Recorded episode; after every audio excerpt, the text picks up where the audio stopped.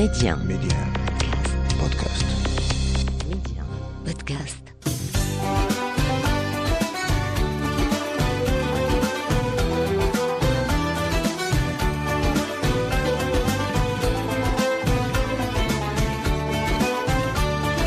أرحب بكم في عدد جديد من لالا بلادي أرض الخير والخصب والبركة. لالا بلادي التي تعرفون تاريخها ومآثرها وأطباقها وتقاليدها وكل مكامن الجمال والثقافة التي تزخر بها المملكة. وفي لالا بلادي أيضا تراث وموروث شعبي غني متعدد الألوان والأبعاد كثيرا ما يخفي ذاكرة ثرية بالقصص والأمثال والعبر والحكايات. ولأن الحكاية الشعبية المستوحاة من الفولكلور المغربي تعد جزءا من موروثنا الشعبي وخلاصة إفرازات وتجارب وقصص تتوارثها الأجيال وتعكس أسس الثقافة المغربية الضاربة في القدم. ولأن التراث المغربي مليء بالكثير من الأساطير والحكايات التي ترسخت في وجدان المغاربة. نسوق لكم اليوم نموذجا من هذه الحكايات الشعبية مع فاطمة الزهراء المهتمة بالتراث الشفهي والمكتوب.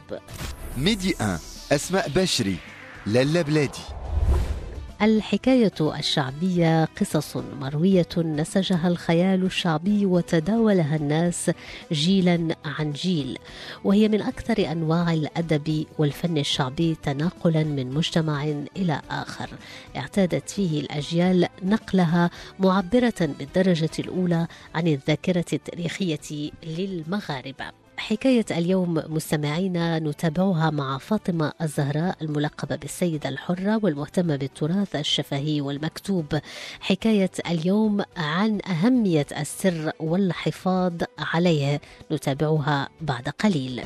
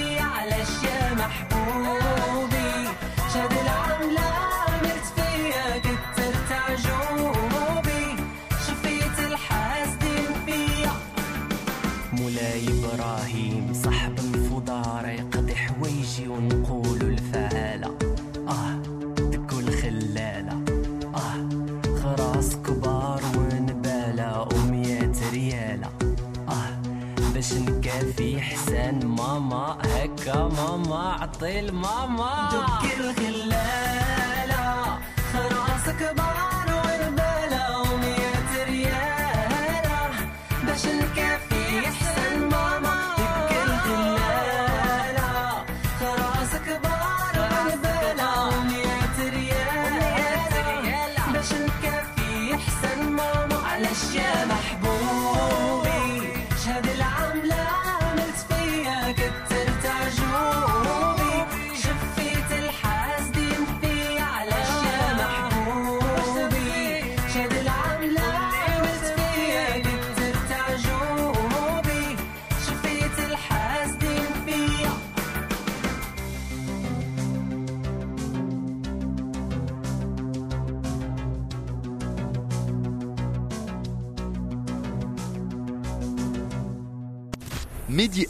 أسماء بشري لالا بلادي.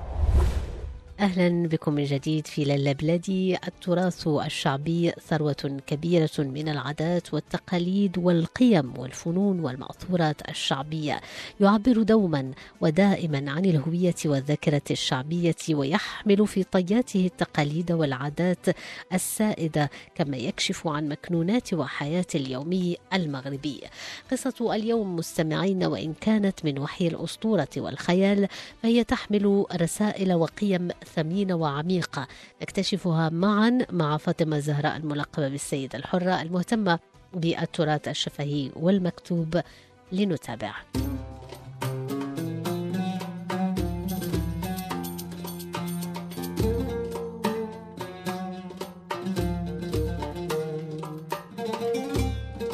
سلام الله عليكم الحباب. السيدة الحرة جاتكم من أوسع البواب وجبت لكم حديث من تراث الجداد. فيه عبرة وحكمة من الجداد للحفاد وبسم الله بديت وعلى نبينا صليت. وسمعوا يا مستمعين ميديان لهاد الحديث مسيت بالخير على حبابي وبتسوالي عليهم يطمن بالي. لله يا العالي أحفظ كل من سمع كلامي وفهم المعاني. وكان يا مكان كان بيتكم من الحرير وبيتنا من الكتان.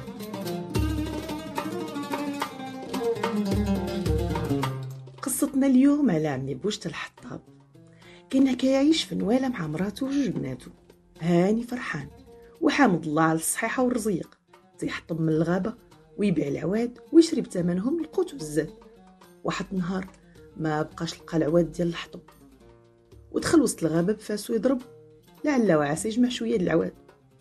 شوية سمع صوت مهياب. وقف عليه عفريت طويل وغليظ. وقال له عمي بوشت الحطاب أشنو هاد الصوت؟ وقف قدامه هذاك العفريت طويل وغليظ كيخلع. عمي بوشت الحطاب من شافو ما تخلع ما ترعد. ويقول له الجن راك صدعتيني ومن نعاسي فيقتيني ويقول له واش كتنعس بنهار الشريف؟ جاوبو العفريت وقال لي أنا كنعس عام وتنفيق عام. ودابا سير في حالك. رد عليه عمي بوشت الحطاب وقال له أنا حطاب ولادي كيتسناوني نجيب لهم ما ياكلوا. وهنا رزقي لقيته. وما غاديش نمشي من هنا. هو يعطيه هذاك العفريت طاجين وقال له فوق ما عريتيه غادي تلقى فيه اللي بغيتي وتشهيتي. شكر عمي بوش الحطاب العفريت ورجع فرحان عند مراته وعاود لها الحكاية وأمرها باش تحفظ السر. دازت أيام وأيام والجيران شافوا النعمة بانت على الحطاب. حسدوه وبداو يبقشوا من موراه ويسولوا بناته ومرتو على السر اللي مخفي. وعرفوا السر ديال الطاجين وفي الليل دخلوا سرقوه. وبدلوه بواحد تاني باش ما يعيقش الحطاب.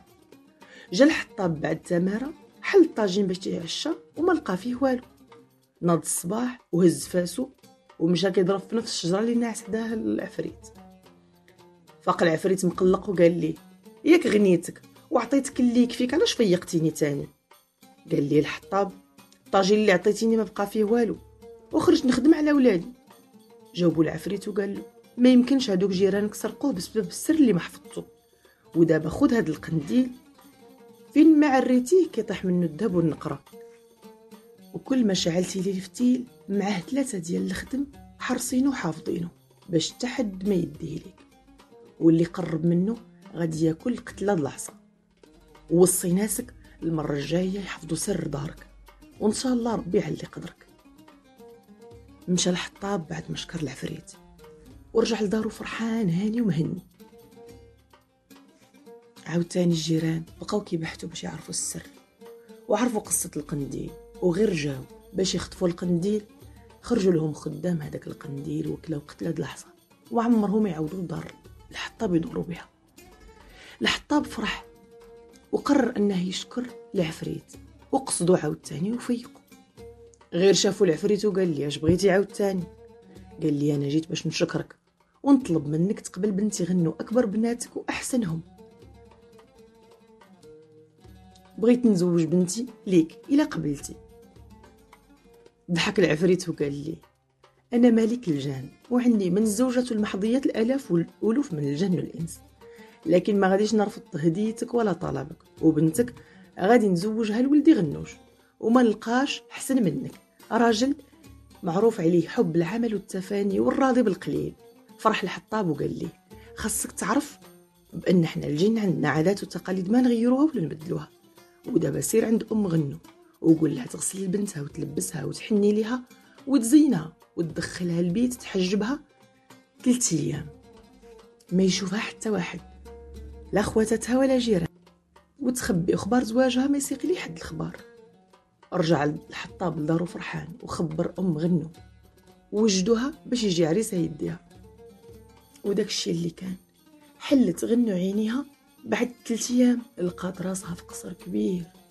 عمرها شافت بحاله ولا تمنى خطرها ولا حلمت به. وكانت كتحس براجلها غنوش ونفاسو قريب عليه لكن عمرها شافته. كان كيخرج في الصباح وما كيرجع حتى العشية. حيت كان شرط عليها باش يدوز لها معاه تقدر تشوفو. ومن يطلبوا منها هكا وافقات. واحد النهار غنو قالت الغنوش توحشت دارنا وبغيت نشوفهم جاوبها بصوت حنين وقال لها غير غمضي عينيك. وغمضت عينيها وفتحت عينيها لقات راسها وسط خواتاتها ودارهم. ولقات الدنيا كلها عامرة في دارهم وتفضح سرها بأنها تزوجت. سولوها جيرانها وصحاباتها وخواتاتها على رجلها. بيض ولا كحل؟ زوين. طويل ولا قصير؟ تبهضت وحلت فمها وقالت لهم أنا عمرني شفتو كيجي في الليل والصباح في الفجر كيمشي وما تيشعلش الضوء تعجبوا قالوا لا. واش كاين شي مرة ما كتعرفش راجلها ولا كتشوفو؟ بقاو كيعمروا لها خواتاتها الراس وجيرانها الراس بأنها خصها ضروري تشوفو. وخاصها تشعل الشمعة على غفلة ونعاس وتشوفو. داكشي اللي كان. مشات غنو لدارها. ودارت ما وصاوها جيرانها وخواتاتها. شعلت عليه الشمعة وهو في غرق نعاسو ومني قربت وجهه وشافته تبهرت بالجمال ديالو. وبكثرة ما بقات مبهورة بجمالو طيحت عليه قطرات الشمعة. فاق وقفز وتخلع وبقى يغوت عليها. قال لها شنو درتي يا المسخوطة؟ خرجتي عليا وخرجتي على راسك واش ما عرفتيش شنو درتي؟ أنا مسحور وكنولي طير بنهار وبالليل كنرجع عادي. وما بقى ليا غير ثلاث شهور ونبرة. ونتزوج أنا وياك ونعيشوا في الهنا وفي الراحة. ولكن خفتك وفضوليتك هي السبب. أرجع غنو طوير ومشى وبقات غنو كتبكي وتنوح وقالت على سقوعة الأيام اللي وليت فيها طيرت راجلي من بيني بعد ما طار غنوش غنو مسكينة خرجت من القصر كتبكي. وتندب حناكها وتضرب على جنابها وتقول يا تعس الأيام اللي كنت فيها أميرة وما حمدش الله على الخميرة وأنا راجعة للقهرة في الدويرة وشاع الأخبار بين العباد والناس كتضحك عليها وكتضحك على السر اللي ما خفاتوش وهي غدا كتسارى وسط المدينة بان لها تاج كبير عند مول الذهب مرصع بالياقوت والجهر سولاتو قالت له ديال من هذا. قال لها هذا تاج لاله غنو اللي ما حفظت سر دارها وغادي نبيعو لغيرها. بدات كتبكي على أيام. ودازت من حدا الخياط لقات عنده قفطان مخيط بالذهب والحرير. بهرها بزينه وقالت لي لمن هذا يا المعلم؟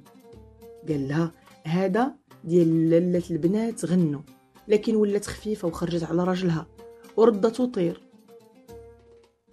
ودابا غدي مولات الزهر والتيسير وكل ما غنو دازت عند شي حريفي كتسولو كتلقاه تيصنع في بتات غنو اللي كان عرسها قرب وما بقى ليه غير ثلاث شهور.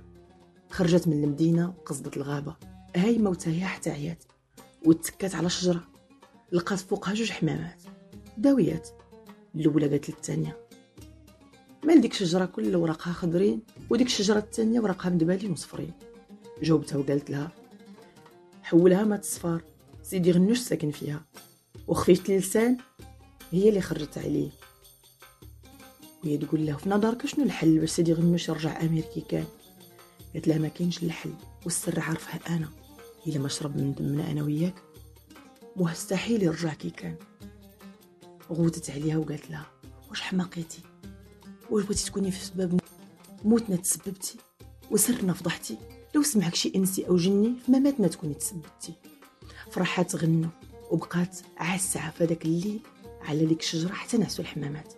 وشدتهم وذبحتهم وبدمهم مسحت الغنوش. بعد ما مسحت له بالدم ديال الحمامات ضربت رعدة وشحات في السما بالبرق. ترعدت وسخفات وتخلعات وملي فاقت لقات راسها في قصر غنوش وهو واقف كي البدر في تمام وحدها. وهي سبحان من خلقها. والقمر بحالها. ولا كل واحد فيهم أحسن من الثاني. سبحان الله. قرر غنوش يعاود يجدد زواجه بغنو ويتزوجوا من جديد. وعاشوا في تبات ونبات وزهات أيامهم بصبيان وبنات. وتعلمت غنو من الحكمة بأن السر خاصو يتحفظ والتحد ما يطالع على سر دارك حتى لو يكون إخواتاتك. ومشات حكايتي من واد لواد وبقيت أنا مع بنات ولاد الجواد. كانت هذه إذا واحدة من حكايات لالا بلادي وإن كانت من وحي الأسطورة والخيال فهي تحمل رسائل طبعا وقيم ثمينة وعميقة وتلك هي العبرة من التراث المغربي الذي يحيل على كل ما خلفته الأجيال الماضية. من إرث اكتسى على مر التاريخ فائدة بالنسبة للحضارة والإنسانية.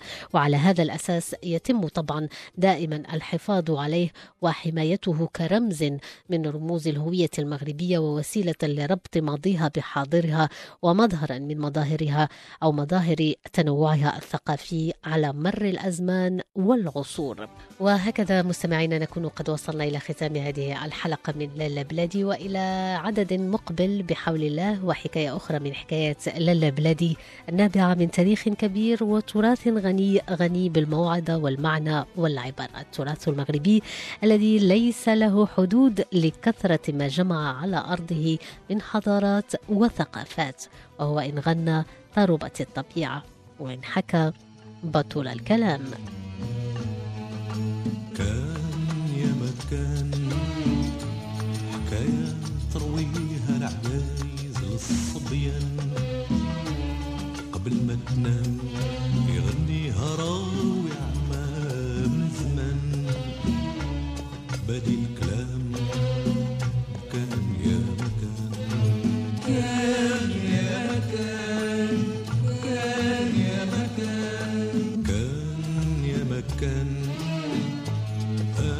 أنا وحبيبي عاشقين الاتنين نرعى الغنم عايشين عايشين هانيين فوق المرج الخضر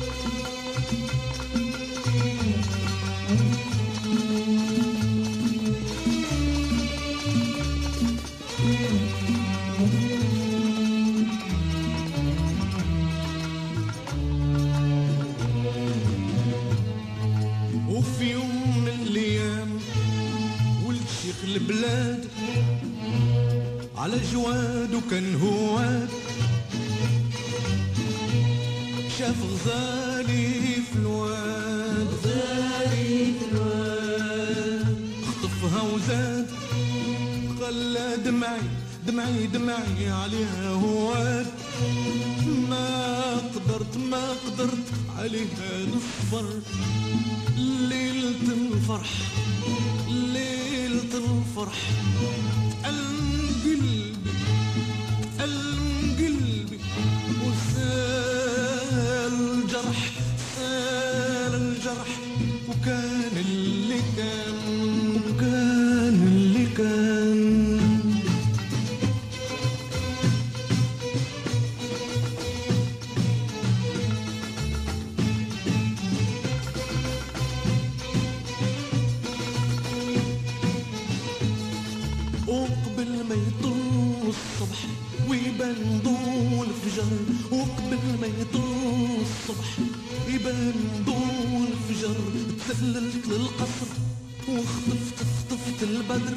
ناوي بغزالي نهرب لكن السور كان عالي. عالي. ولما قفز جوادي عطر لما قفز جوادي عطر شافونا الأهالي شافونا الأهالي شافونا الأهالي وتفضح السر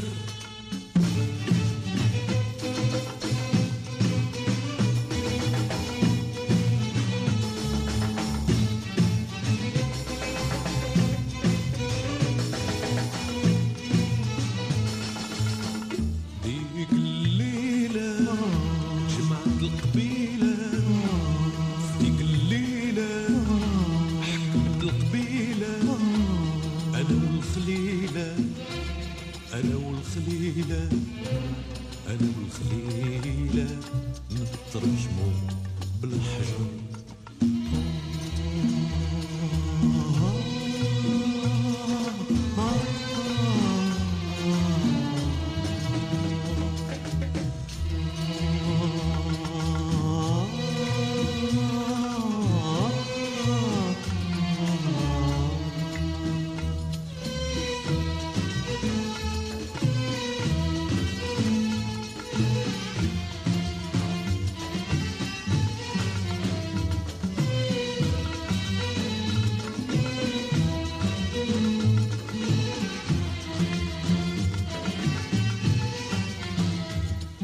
بين يوم وليلة نفذ الأمر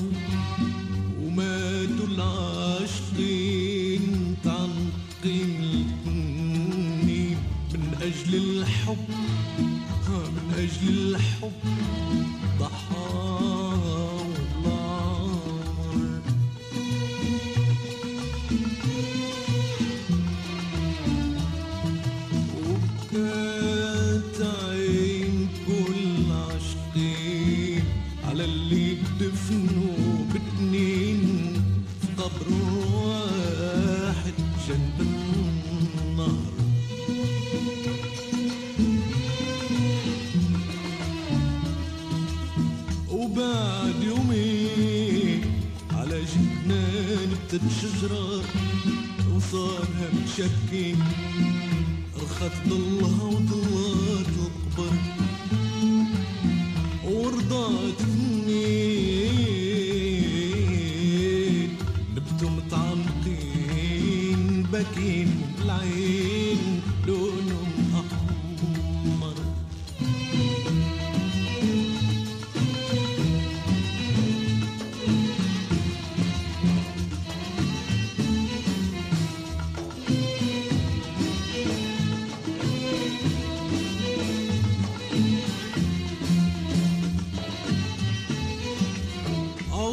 عصفور اخضر في كل فجر يجي يزورنا. عصفور أخضر في كل فجر يجي يزورنا. يغني حكايتنا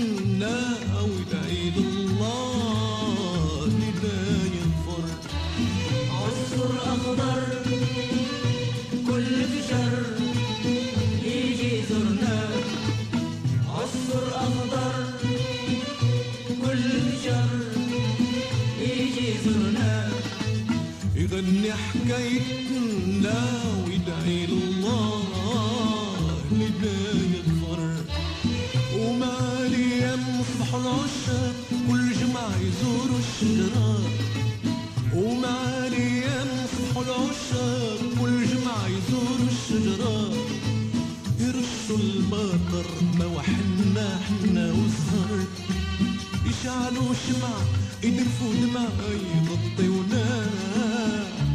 يغطيونا توب حرير لون أخضر. ومعالي ينصح العشاق كل جمعة يزوروا الشجرة. ومعالي ينصح العشاق كل جمعة يزوروا الشجرة. يرشوا المطر